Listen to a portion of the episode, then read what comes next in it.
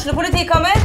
Ine Jansen er purk. Er du purk? The motherfucking bitch. Alt jeg vil, er å finne ut hva som skjedde med mannen min. Jon Carew. Er jeg sikta for noe? Iben Akeli. Det er du. Ole So, Lars Berrum og Big Daddy Karsten. Hvem sin side er du på, egentlig? Anette Hoff, Tone Danielsen, Kommer du fra Afrika? Jørnis Josef, Nesten. Kløfta. Trond Espen Seim, Det er synd å si det, men det var feil mann som døde. Purk. Premiere tirsdag på TV2 Play.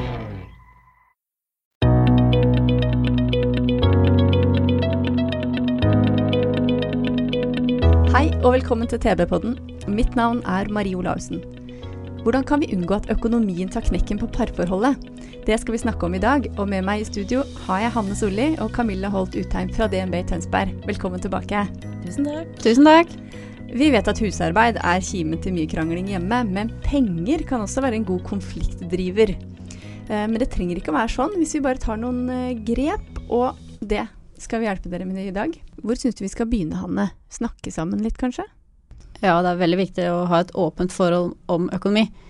Eh, og man ser jo at eh, ikke alle har de samme holdningene til eh, penger, og det kan jo ofte skape konflikter. Da. Så hvis man har et åpent forhold, snakker om økonomien, og begge er engasjert i hva husholdningen har av inntekter og utgifter, og hvordan man skal prioritere de pengene, så tror jeg mange konflikter kan være unngått.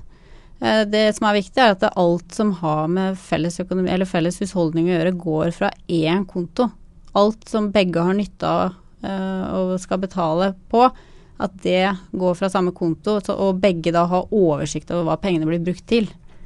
Mat, forsikringer, eh, ja, alle de Strøm, lån, ikke minst. og at man da blir enig om hva man skal føre over til den kontoen. Kanskje ut ifra inntekt. Er det lik inntekt, så er det jo likt beløp. Og kanskje noen har veldig mye høyere inntekt enn andre. Kanskje man da skal justere. Og så kan man ha litt lommepenger hver for seg på sin konto, som man da kan bruke uten å få dårlig samvittighet. Ja, da, men det kan jo, noen kan jo ha, komme inn i et forhold med studiegjeld f.eks.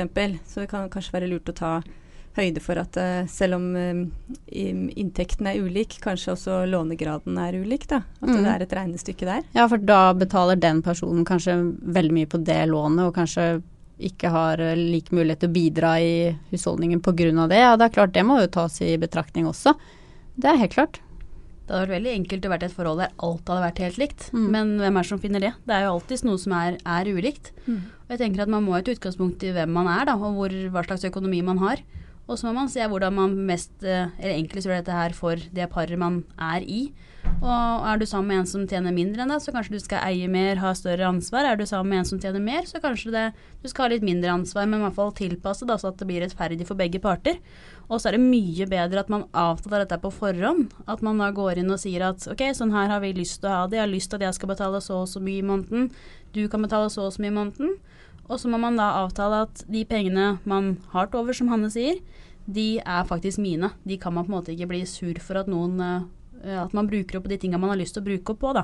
Vi ser jo, vi, vi har jo sett mange av de sakene der, at man krangler om de pengene som man, eh, man bruker for, fra egen lomme. Og det er kanskje ikke helt rettferdig hvis man har vært med å bidra på det man skal gjøre på, på fellesen først, da. Men det er bare med at det den rekkefølgen, at ikke man eh, bruker opp pengene sine først og prioriterer fellestinga i andre rekke. For da skjønner jeg at det kan bli litt uenigheter. Ja, det er jo i de forholda som man ikke har den oversikten over økonomien, at man kanskje bruker masse penger på egne hobbyer, og så har man ikke nok til regninger. Det skaper jo et kjempeirritasjon for den andre parten, da, som kanskje ikke har brukt så mye på seg selv og sitter igjen med alle regningene til felles forbruk. Som mat og strøm og alle de viktige tinga. Så mm, enighet og oversikt, det er jo noen nøkkelord her. Og jeg ville jo heller ikke vært den i et forhold hvis jeg hadde tjent mye mindre enn den jeg var sammen med, da. Så ville jeg jo ikke vært den som hadde sittet og skulle tvinga meg selv til å ha 50% av alt. For da sitter jeg hver måned, da, og på en måte eneste jeg kan prioritere, det er det fellestinga vi har. Eh, mens den andre personen har masse penger til overs fordi man tjener bedre. Da er det kanskje bedre da å eie litt mindre, ha litt mindre ansvar. Ja, du får mindre igjen hvis det skjer noe, men du har iallfall et uh, greit forbruk og kan på en måte prioritere litt av de tinga som livet bringer i tillegg, da. Uh, og ikke føler at man sitter hver måned og prøver å få hver ende til å, å møtes, men at man da får et uh, at begge to kan ha det fint i tillegg til de felleskostnadene man har. Mm. Så jeg tror ikke vi skal strebe etter alt, skal ha alt 50-50, men at man i hvert fall har en god oversikt da, og, og, en plan for hvordan man har lyst til at ting skal være. Ja. Er, det, er, det, helt ut å på en måte ha liksom to lønninger inn på felles konto, og så ha at alt går i samme sluket? Det er mange som praktiserer det fortsatt. Men øh, jeg vet ikke om det er Det, er, det er alle Altså, det her må jo folk føle på sjøl. Noen syns at det er en helt topp løsning. Men øh, det kan jo være lurt å ha det separat. At det, man får inn egen inntekt og fordeler til, det, til felleskontoen der alle utgiftene går fra. For da blir det jo mindre uh, grunn til å krangle om penger. Hvis all inntekt går til en konto og jeg bruker masse fordi jeg har lyst på ting og tang og Masse klær og Ja, ikke sant. Jeg bare shopper og shopper og shopper, går på kafé og, og Oslo-turer her og ja. jentetur til Marbella der og Så blir det mindre en enn den andre. Det jo, er jo utrolig urettferdig. Uh, og det kan jo skape krangel, det. Hvis vi ser bort fra akkurat det med Marbella-turene, da. Hva er den største ulempen ved å ha felleskonto? Nei, det er jo at uh, man mister oversikt. Uh, man ser at begge, begge, lønningene kommer ut, og for mange så funker jo dette her hvis man har relativt lik lønn, uh, har akkurat samme forbruk og tanker om hva lønna skal brukes til. Da er det jo veldig enkelt, for da har man måte, samme tanker og samme ønsker. Men jeg kjenner ingen som har helt samme prioriteringer. Man har jo gjerne ulike hobbyer, mye ulike tanker om hva man har lyst til å bruke pengene sine på. Så, så hvis man på en måte har lyst til å, å bruke litt av sine egne penger på sine egne ting, da, så kan det være en ulempe at man føler at det fort blir urettferdig. Og man har alt på én stor felles konto, skal bruke alt uh, felles, da, istedenfor at man kan føle at noen penger er sinne, og at man har opparbeida seg kanskje litt ekstra og kan få lov til å bruke de pengene man har spart opp til ting man sjøl har lyst til, da. Man er jo to i et parforhold og er to individer. Så en felleskonto tror jeg kanskje kan føles litt sånn eh, klaustrofobisk kanskje for noen, da. For da, da, blir alt felles, og det blir ikke eh, mine penger, men blir, alt blir våre penger. Men samtidig så for noen så funker det sikkert kjempebra, fordi at man føler at da er det alltid noe til overs. Men jeg tror man i hvert fall da er avhengig av å ha en prat om hvordan man ønsker at økonomien skal være i det forholdet. Da. Mm. Og det at, som vi har snakka om tidligere, det at eh, begge har god kontroll på hva som går ut og inn, og, som, og at de faktisk følger med på den kontoen i nettbanken. Ja, det tror jeg også er viktig. Og det med å ha en felles regningskonto, og ikke at alle penger går inn der, det gjør at, uh, at man får mer oversikt over hva husholdningen faktisk koster. Uh, man kan jo gå inn i nettbanken og få et sånt budsjett ut ifra den ene kontoen uh, der man har felles forbruk, for det er det som på en måte teller i husholdningen. Hva uh, betaler vi i mat, hva betaler vi i strøm, hva betaler vi i forsikringer. Det er mye lettere å holde oversikt over de felles tinga fra den felles kontoen, når man ikke blander inn masse privat forbruk som klær og sko og ferieturer osv. Og, så og begge partene bør ha et forhold til den kontoen. Gå inn og sjekke transaksjoner, regninger. Ikke for å kontrollere den andre, eller, men det er jo viktig å vite da, hva man bruker disse felles pengene på. Og er det grep man kan ta for å minke? Betaler man dobbelt på noe? ikke sant? Litt sånne ting, da. Mm. Uh, og da har man jo sine egne penger på sin egen konto. Og de kan man disponere uten å få dårlig samvittighet. Og man ikke minst spare ja, for til... nå skulle jeg faktisk, ja. det, tro det eller ei, stille et sparespørsmål, da. Ja. jeg har jo blitt veldig flink til å spare da, i løpet av de to første episodene, tre første episodene. Um, og så det jeg lurer på nå, da er Hvis man har da en uh, egen konto i et samliv, kan man da spare uh, så mye man vil? Og hvis det f.eks. er et ekteskap, da, hvis det ryker, går man ut med den sparekontoen sjøl, tror du? I utgangspunktet så gjør man jo det fordi man sparer selv, det skal jo på en måte også ha med seg selv. Men er man gift, så har man jo også et uh, underholdningsbidragsspørsmål. På at hvis den ene tjener mye mer og har mulighet til å spare masse, mens den andre betaler kun dagligvarer og dette her, så har man jo noe grenser for på en måte hvor ja, I forhold til rettferdighet og, og, lov. Nå er vi litt inn på spørsmål som er litt utover hva vi på en måte kan svare på. Ja. Men i utgangspunktet så skal man jo kunne spare til egen pensjon, og man kan kunne spare til sitt eget. Eh, på, på, egne kontor. Og det syns jeg er kjempeviktig. At man kan gjerne ha felles sparemål, uh, og spare til noe felles hvis man ønsker å reise eller et eller annet. Men det er veldig viktig at man sparer i eget navn til pensjon. Og i eget navn til disse sparemålene man sjøl har, da. For da veit man om det så eh, Hvis det skulle blitt et brudd, da, så er det litt enklere å på en måte kunne forsvare disse pengene er ting jeg har spart opp sjøl, enn at man skal begynne å ta ut penger fra en felleskonto til noe jeg egentlig har spart på, men som står på en, en felleskonto. Men hvis man, man er enig om hvor mye man betaler inn til denne berømte felleskontoen, da, så har man på en måte Man, er, man har en enighet. At det bidrar du med, og det bidrar jeg med, og det putter vi inn der. Og da kan man spare disse pengene ved siden av og bruke det også selv. Og når man er samboere, så har man jo da, da, har man jo Altså, mine ting er mine ting. Mm. Og mine penger er også mine penger. Og blir det brudd der, så er det jo ikke noe spørsmål om noen skal gi eller ta. Da, det man har kjøpt selv, det er jo ens eget. Mm. Man deler jo innbo og bolig og etter hvert så, som man eh, hvilken grad man eier det, da. Men, eh, men, eh, det er jo så viktig å spare til en egen pensjon, som du sier, og ha mm. egne penger i backup. Ja.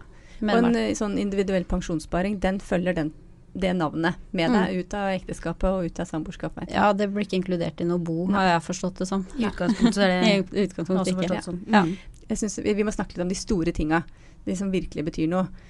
Eh, så er det jo dessverre sånn at veldig mange kvinner de um, betaler kanskje ikke på lånet. De betaler uh, De pynter huset med puter og pledd og betaler uh, god mat til helgen og passer på at hagen har nok blomster og setter ned blomsterløk og bruker pengene sine på sånne løpende utgifter, mens eh, mannen kanskje betaler eh, låneavdrag og renter og sånn. Hvordan kan man sikre seg at et par har gode rutiner på å nedbetale de store utgiftene? Ja, Det er jo akkurat det vi har snakka om nå, med at man har oversikt eh, via en felleskonto og setter inn et beløp der, og lånet trekkes derfra. For da er det jo ingen som vet hvilke penger det var som betalte ned lånet. Og eier man også den boligen sammen, så er det jo enda viktigere at man betaler sammen.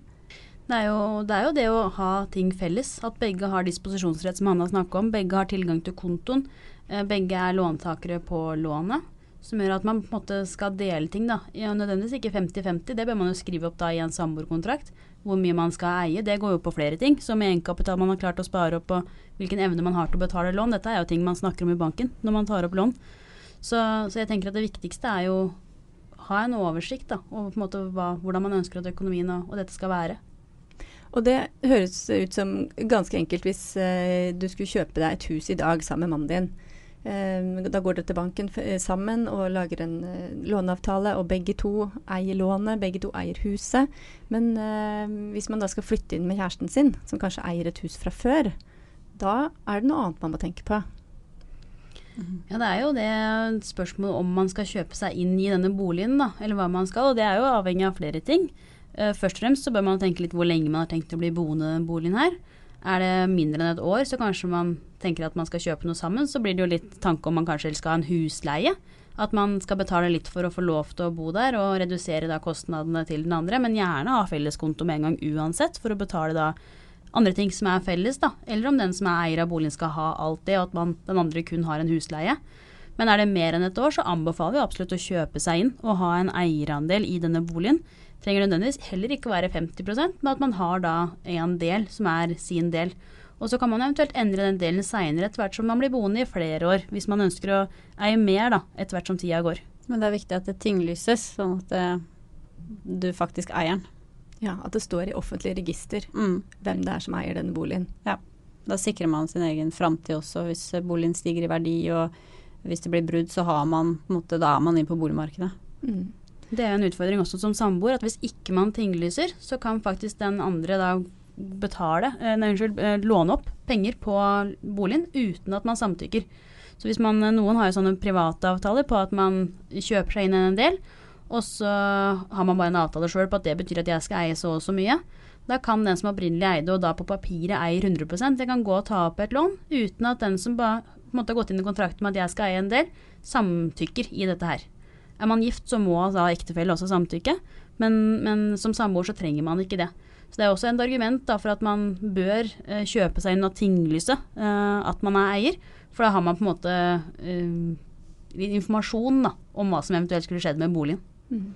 Og hvis man da ikke har vært åpen om økonomien, og kanskje har eh, et eller annet problem med kredittkort eller noe ja, spillegjeld eller hva som helst, og refinansiere det i boligen uten at samboeren da får vite det, og det ikke er tinglyst at man eier, da mister man jo egenkapital og i boligen. Og ja det, være, ja, det er derfor det bør være tinglyst, for da må man vite om det. Ja.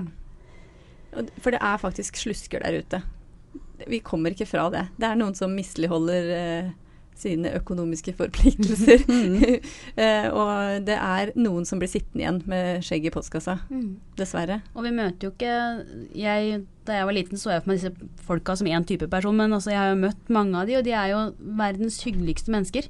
Så det er jo ikke noe med det, men man, hvis man kommer på feil spor, da, så er det veldig vanskelig å komme seg ut av. Og det å slite med økonomien er jo ofte noe man kanskje ikke har lyst til å snakke mest om, for man har lyst til å klare seg sjøl og komme seg ut av det.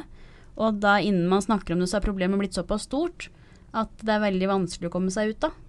Og, og det, ikke at dette er noen løsning på akkurat det i forhold til samboere, men det er i hvert fall mye bedre å ta det og, og, på en måte vite at man i hvert fall har en eierandel, og at man har en, et krav da, i forhold til offentlig register og det som er, enn at man på en måte kun har egne avtaler og, og egne eh, i hvert fall muntlige avtaler å gå på, for da har man så lite å stille opp med, da, hvis, det, hvis man må det. Ja. En samboerkontrakt kan jo være lurt å ha fordi Altså når det ryker. Men det er jo, sånn som vi har snakka nå, så er det jo også fint å ha en samboerkontrakt som skal på en måte passe på at det, ikke man trenger å ta alle de samtalene om økonomi hver dag. Nei, en samboerkontrakt er kjekk å ha for, eh, for, her og nå, på en måte. Man legger føringer for hvordan man vil ha det økonomisk. Og da er den åpenheten også veldig viktig, da, at man ikke har noen uh, skjeletter i skapet på det. At, uh, og, og sette føringer for hvordan man vil at felleskontoen skal disponeres, og hva som skal gå ut, og hva man skal bidra med der, da. Jeg tenker at Samboerkontrakt skal jo ikke være sånn når vi går fra hverandre, så skal dette være sånn. Men det er heller en avtale med sånn her vil vi at økonomien vår skal være når vi er sammen. Mm. Uh, og jeg veit jo hvis jeg skal begynne å tenke på hvordan dette var når jeg ble sammen med min samboer, så husker ikke jeg hva, hvem hva jeg hadde med meg inn, hva som var hva. Uh, det blir jo på en måte en felles pott etter hvert, uh, uansett hvordan man blir venner på det, hva man har kjøpt sammen, hva som egentlig var fra ditt og hva som er fra datt. Så det er jo veldig greit å bare ha ting skriftlig med de litt store tingene eh, økonomisk, og, og, ha da en tanke og en plan om dette er mitt og dette er ditt. Eh, og da veit man jo da om 20 år, da, eh, hvis det skulle vært et eller annet da, så veit man jo på en måte at ok, dette gikk jeg inn med. Alt annet det er faktisk ting vi er å være felles. Og det skal da også deles eventuelt likt hvis det skulle skjedd et eller annet med oss. Mm. Så det er jo ja, rett og slett ha det ryddig og vite på en måte hvordan økonomien, økonomien sin er. Jeg syns det er mye bedre å, å, ha en plan og en tanke om så, hvordan jeg har lyst til at økonomien min skal være, enn at man bare skal se fra måned til måned åssen ting ordner seg. For da veit jeg at da har ikke jeg den mm, tryggheten da, som jeg søker økonomisk. Mm. Det er jo mange forskjellige former for uh, samliv, og uh, veldig mange etter hvert uh, bor sammen med noen som har barn fra før. Hva er det vi må tenke på da? Nei, det er jo eh, rett og slett uh, hva som skulle ha skjedd, da. Hvis den som har barn fra før av, faller ifra. Det er egentlig det første jeg tenker på. Uh, for det er litt ulike regler om man er samboer eller om man er gift. Uh, men som samboer så har man jo veldig liten arverett, eller rettigheter i det hele tatt, hvis man ikke får felles barn sjøl. Og hvis man eier av bolig sammen med en samboer som har barn fra før av, så blir det jo, må man jo betale ut dette barnet, da. Det som er verdiene til den forelderen som detter bort hvis det, hvis det verste skulle skjedd. Og da er det jo kjempeviktig at man har hatt en tanke om dette her. Tatt opp eh, gjerne en livsforsikring som gjør at man kan betale ut. For det dreier seg som regel om såpass mye penger at det ikke er penger som man har klart å spare opp. Sånn at man har hvis det skulle skjedd noe.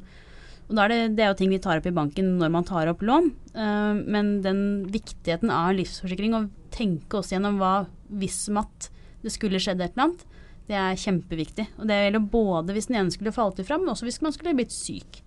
Eh, så livsforsikring er kjempeviktig uansett, og det bør også stå i en samboerkontrakt hva man har om tanker rundt det.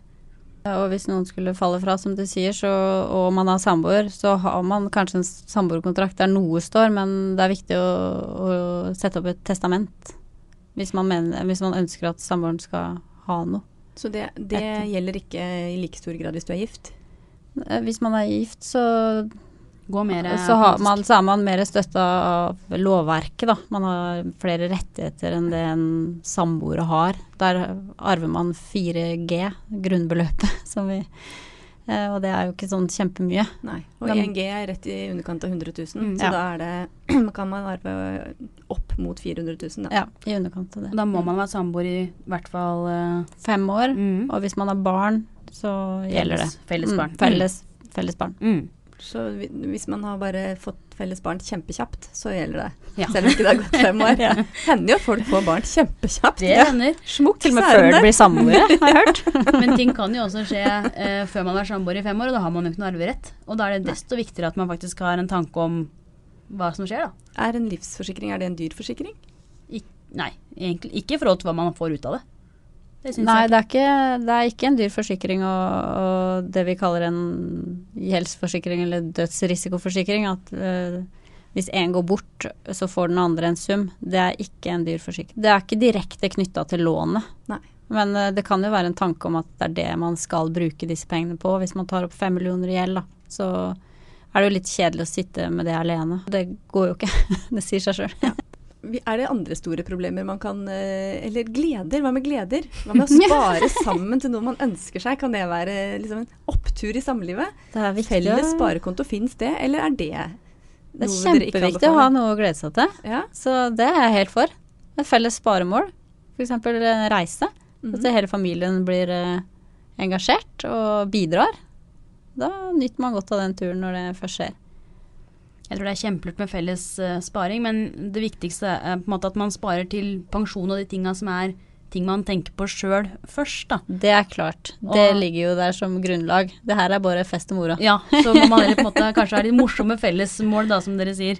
For jeg, jeg, det skal ikke gå på bekostning av at den ene ikke sparer til pensjon fordi at man skal henge med på å spare på de felles måla.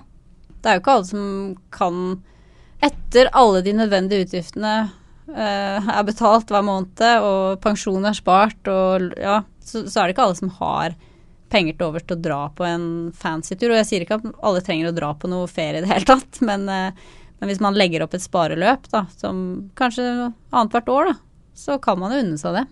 Og det er jo som vi snakka om i en tidligere på der, at hvis man setter av litt penger hver måned da, til felles, så det kan jo være alt fra at man sparer til et eller annet felles, en ting man har lyst til å kjøpe i husholdninga, da, til at man har lyst til å dra på en reise eller kjøpe seg et eller annet eh, om noen år, så er det jo mye bedre å kunne spare et litt mindre beløp hver måned, enn at man skal på en måte på et halvt år skulle spare opp til en kjempetur til USA, på en måte.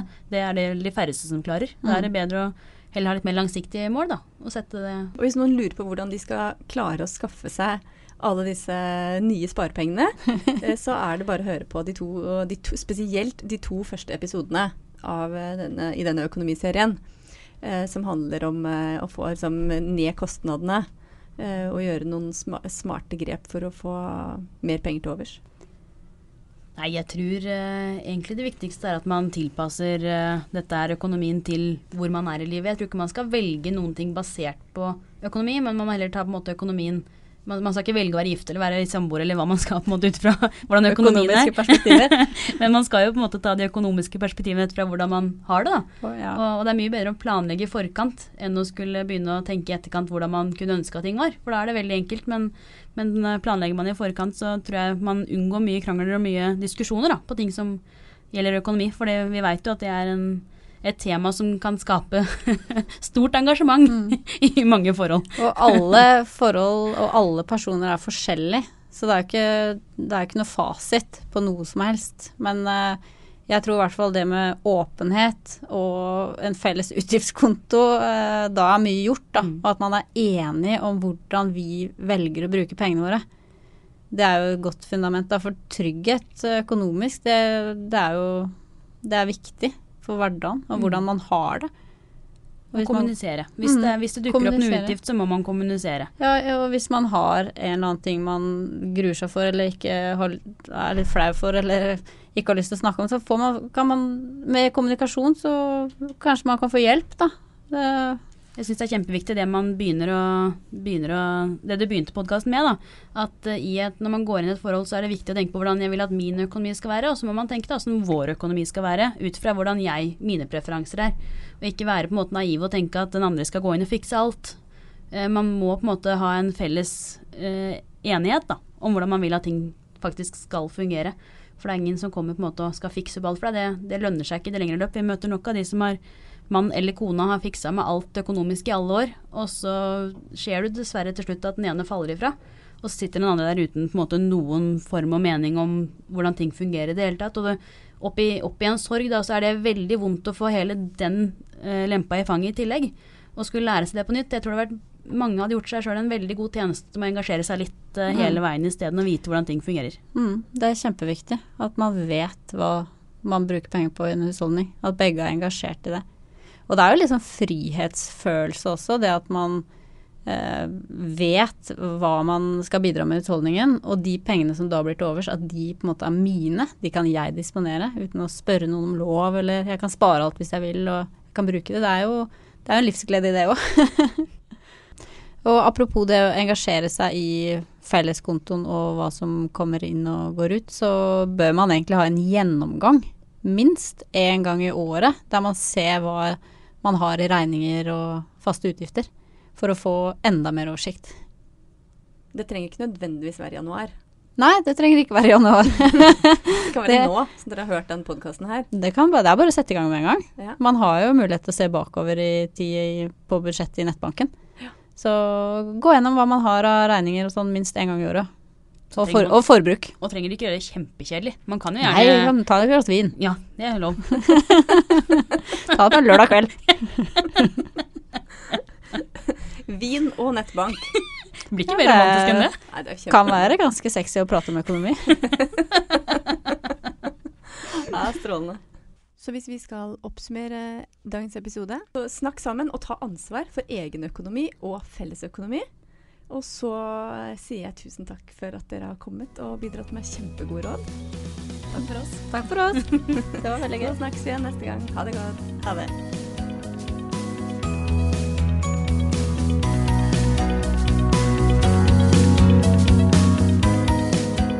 Du har hørt på TV-podden, en podkast fra Tønsbergs Blad. Mitt navn er Marie Olaussen. Konstituert ansvarlig redaktør er Erik Wold Aunemo, og musikken er laget av Scott Holmes. Mer fra vår podkastredaksjon finner du der du laster ned podkaster. Søk oss opp, abonner og gi oss gjerne en vurdering, så blir det enklere for andre å finne oss der. Har du et enkeltpersonforetak eller en liten bedrift? Da er du sikkert lei av å høre meg snakke om hvor enkelt det er med kvitteringer og bilag i fiken, så vi eh, gir oss her, vi. Fordi vi liker enkelt. Fiken superenkelt regnskap.